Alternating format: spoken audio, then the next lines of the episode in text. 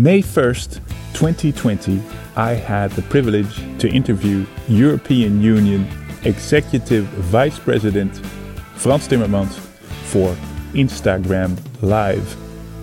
And we had a talk on bottle deposits and the Single Use Plastics Directive. I hope Frans Timmermans is here as well. Hello. Great to have you. My pleasure. It's my pleasure. I have such fond memories of us working together in the past. Go on. We're working on a recovery plan for Europe, which is going to be essential. And we're trying to hopefully convince everyone that if we recover, we do it in a green way. Because if we Exactly. miss that opportunity, because we will only have a limited amount of money to spend. And if we throw all that money at 20th century economy that will be locked in anyway in a couple of years' time, we would have lost, we would have put extra burden on the shoulders of our children and then lost the opportunity to say to our children, look, we've created a better economy and a better society for you.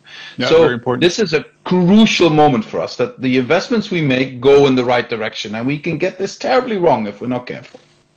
Yeah, well, I, I also I saw your response to a letter from the from the plastics industry as well. Uh, they asked for a delay, and you had a very strong response in, on that as well. Yes, what we did you have tell no them? time to wait. Yeah. No time to wait. Uh, but the, the thing that is working for us is because you are all such strong supporters. Society at large support, uh, supports this idea of getting single-use plastics out of out of the equation and making sure you know if we do this right we will reduce plastic waste in the ocean by 70% 70% just by this legislation that's huge secondly more and more uh, industry realizes that this is a huge economic opportunity for them. It makes money in the long run uh, to go to more sustainable uh, uh, ways of pro- uh, producing. So we're going to win the argument, but it's true that on the way we will have some setbacks and sometimes loopholes will be uh, used. But that's where we are as Commission. We have to prevent this from happening. Yeah, but that means well two things. We we need a systemic change. This is also what you've uh, written in your uh, economy circular economy action plan. Um, uh, and I would say the spirit of this single-use plastics directive is about throwaway society, throwaway culture. Exactly. Exactly. So, of course, we are now removing from the equation 10 objects for which there are perfectly sustainable uh, alternatives. Um, but that's only the start. We need to change mentality. We need to, you know, we need to make sure, you know, if, if you if you're thirsty and you want to drink something, pour something in a in a canister that you can use again instead of uh, taking a single-use plastics uh, bottle. Um, and and so in so many aspects, you know, there's no need to have these throwaway uh, um, uh, plates or cutlery, etc. There's no need. There are perfect, uh, sound alternatives to that. But we need to take it way beyond that. We, you know, this the, we need to have regulation so that bio, so-called biodegradable plastics doesn't pollute. That we have stronger rules for that. Yeah. So how how how do you plan to stimulate that uh, reuse culture? Well, I think by making it making it more interesting. So, so first of all, I think uh, people are more and more realizing that this is the right thing to do, and people want to do the right thing. So that helps enormously. And I want to thank you personally, Marijn. You did a huge job in in in focusing the minds of people, and people like you who are doing the same thing uh, all over the world. Uh, you know, I, my my great hero David Attenborough. I think he's 94 years now, uh, but he's he's convinced millions of people that we need to save our oceans by taking plastic out of the uh, equation. Yeah. But also, we have to make sure people understand it's about their health. Um, uh, you know, if you don't take care of plastics, they turn into microplastics. They get into your body, and it can be really a danger to your health. Uh, we need to take them out of tires, car tires, full of microplastics. We need. There's no need for microplastics in detergents. There's no need for microplastics in our textiles. You know, these are the things we still need to do, and they are part of our plan for the future. Yeah, when we're talking about uh, deposits, we, well, the occasion we're talking right now is because we just had a decision in the Netherlands, of course, uh, pro deposits on small plastic bottles, which we will have instated uh, uh, from July on next next year. Um, and of course, in your in your single-use plastics directive, it also says it states 90% um, uh, Comes back. a separate collection by 2029. Um, on the other hand, you also see a lot of lobbying going on in trying to see if we can get this done in another way, that 90%. But I feel there's only one way. The means is deposits. How do you feel about the, that? Yeah, the, I mean, we, we leave the option open. I have to be honest about that. Also, it in collection. Um, but if you look at uh, the effects of the deposit schemes already now, 90% uh, of the bottles come back, and they come back in a much better shape than uh, through collection. And people are prepared to pay, pay a bit more so that they can get it back uh, uh later. And also, when we did a so-called impact assessment, we asked people, what system do you prefer? And there's a clear preference for this system. So I would be the yeah, yeah. advocate to make the system happen everywhere in the European Union. It is logical, it is profitable for the consumer because he gets the money back. It doesn't cost him anything, he gets the money back. And it sort of focuses the mind and it, it creates a circularity on the basis of plastic you can really use because it's been treated well. But why would yeah. you leave that open, that 90%? Why would you leave it open? Why not just say uh, the whole of Europe? That I mean, wouldn't that be your ultimate goal to say 2029 we'll have all member states with deposits and not only bottles but also cans, for instance? Well, because because to get this legislation through, we had to find a compromise on this for member states who were not convinced uh, and and they didn't want the administrative burden of a of a deposit scheme, or they thought they could do it in another way. But the thing is, they are under an obligation to have all plastics collected, 90% of it by 2029. Uh, and I really wonder how they were going to implement exactly. that obligation without uh, deposit schemes. I, I think it's hardly possible. So that, that we will have working for us. And we will be very strict as Commission to hold them to that obligation. Yeah, we did the same thing here in the Netherlands, of course. Uh, the, the state secretary said 90%, well, she said 70, but it was the same thing, same thing. They never got that. And that's why we have deposits on small plastic bottles in the Netherlands uh, right now. Yes, um, exactly and in that uh, battle here in the Netherlands, it was actually the community, the Plastic Avengers community, the, the, the, the plastic activists that played an important role also by me just measuring what was what, what litter they found lying around by taking photographs. You have all these different kind of apps right now which they can use. Is that something you'd, you'd call out to the European community of plastic, plastic activists as well? Absolutely. How can we help you? Now, my, let, let me just share one, one element of, of uh, personal experience. You were doing that with your app and you were signaling. Uh, and because of you doing this, we had facts. You know, people were saying to me before, Cotton buds? What are you talking about? These small cotton buds? How can they be a problem? But if it turns out they are massively, massively present on our beaches and in our oceans, then people say, "Oh my God, yes, we have a problem." It is, it is initiatives like yours that convince people with facts, just looking at it, just showing it, and look at do a beach cleanup like many do now. Look at the amount of trash you collect in no time, and these are the things that are convincing people and helping us drive forward an agenda that is not always popular with politicians, but it's popular with the population. Without you, there would be no plastic strategy. And, and, like like I always say, you know, even if Greta Thunberg attacks me sometimes because I don't go far enough, without Greta Thunberg we would have no Green Deal. Let's be very clear about that. Direct question. This is a direct question. We've been working on this winter. We've been working on uh, uh, plastics in fireworks. Uh, and in the whole of Europe, you have countries, uh, uh, fire, consumers just firing their fireworks. And, and, and, there's, I mean, fireworks is much older than plastics, but nowadays everything has plastic. So this is like literal throwaway plastics. We in the Netherlands, we collected 60,000 photographs, just data of these plastics lying around. We had a recall uh, of different uh, retailers recalling their, their plastics, and we, we had them sign uh, the Plastic Treaty, not Plastic Covenant, the Plastic Treaty. And it's so straightforward. We have wholesalers who just buy, now they just they they they buy um, uh, fireworks without plastics in China. It's as easy as that. It's, it's, their choice. So they they all signed this plastic treaty. I feel this is the new Dutch norm when we're talking about uh, uh, fireworks, fireworks without plastics. This isn't this, in what way could you help? Could we get this? What path is there to get this Dutch norm and get that to be a European norm? Well, first of all, I'm not a great fan of fireworks. Let me let's let me be be honest. this is not about fireworks. This is about in general because because it because it always it also affects air quality in a horrible way, and and and, and it's dangerous if you're not very careful. But that's another matter.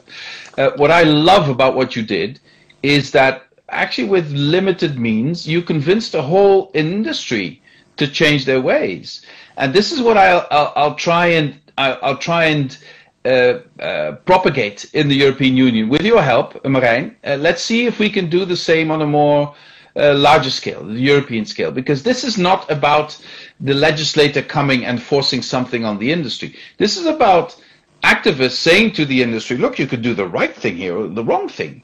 And then industry understands well, that it's in their long-term interest to do the right thing.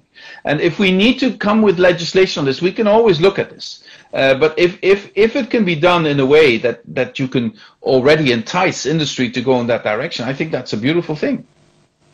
Well, it was actually your single-use plastics directive that started it. It's, it. It was all these companies looking at their own their products because of your single-use plastics directive, and then we came along with this uh, with this. Why is there this literal throwaway plastics? That they well they felt they were obliged to uh, to do a recall on that. So this is really something that comes from above and us just picking out the, the materials or the, the products that are like extreme in that sense. Well, yeah, and, and then we need now to take it to the next level. We need to look at packaging more largely. Um, because for some packaging we still use too much plastics. Sometimes we need to do innovation because for some packaging, especially for foodstuffs, we need the plastics, so we need to look for alternatives. We also, as I said before, really need to take a hard look at microplastics in shampoos and detergents and everywhere, and in, in, in tires. Uh, we need also, you know, uh, we're, we, we are talking too much about um, uh, downstream. We need now to look at upstream. How can we make products without plastic?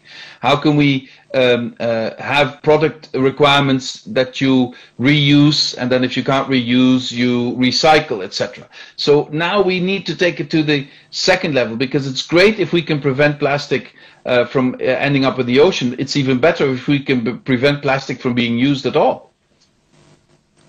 Exactly. It's all about design. Of course, it starts at design, but then at the end, it's about collection. So how do we make sure that everything uh, well, is collected if used or rather reused, I would say. Yes, and, and then, you know, what we also need to do is to make sure we support innovation uh, so that uh, when you recycle plastic, it doesn't lose its value too much, so that you can recycle it many times before it becomes obsolete. Uh, I know. And, and, and then we have to make sure that recycled plastic is is is is is not so much more expensive than virgin plastic. Then it becomes also interesting for the for, for the economy to pick up recycled plastic, and we're getting there. We're getting there.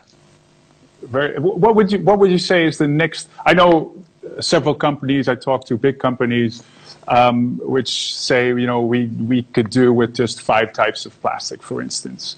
Um, uh, what, what would you say is the, is the next big thing uh, when thinking about plastic? Is this like uh, going back to, say, five types of plastic, or is this bio-based plastic, or is it degradable plastics? What are your feelings about that?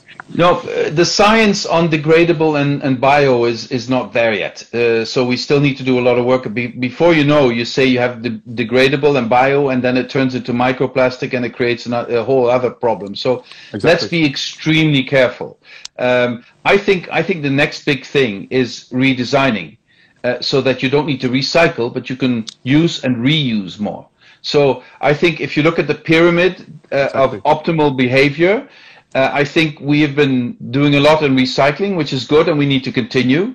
It will be necessary, but let's focus more on reuse mentality. That you know, like my grandparents. For my grandparents, it was logical that something was broken, you repaired it and kept using it uh, and you fixed it. Let, let's go back to let's fix it in the economy. Uh, if something is still perfectly usable, let's fix it. And let's also go to the tech companies and force them, if you buy a phone, you stay responsible for that phone, uh, even after its li life is ended. So, you know, a form of, of, of recycling of phones and put the responsibility in the hands of the producers, that everything can be recycled and that can be repaired much easier, that you don't throw it away after a couple of years. I think this is the new economy, the circular economy we need to work on. I feel plastics have really uh, are the catalyst actually to the throwaway culture. It's because of plastics that we have that many products that we uh, have a 24-hour economy where you can consume everywhere you want uh, and have all these this packaging um, uh, offered to you wherever you are. So plastics is actually um, uh, facilitating, uh, catalyzing the way we consume, making us throw away more and more uh, as we go along. Um, what we need to do is we need to attack that throwaway culture. That's where it starts.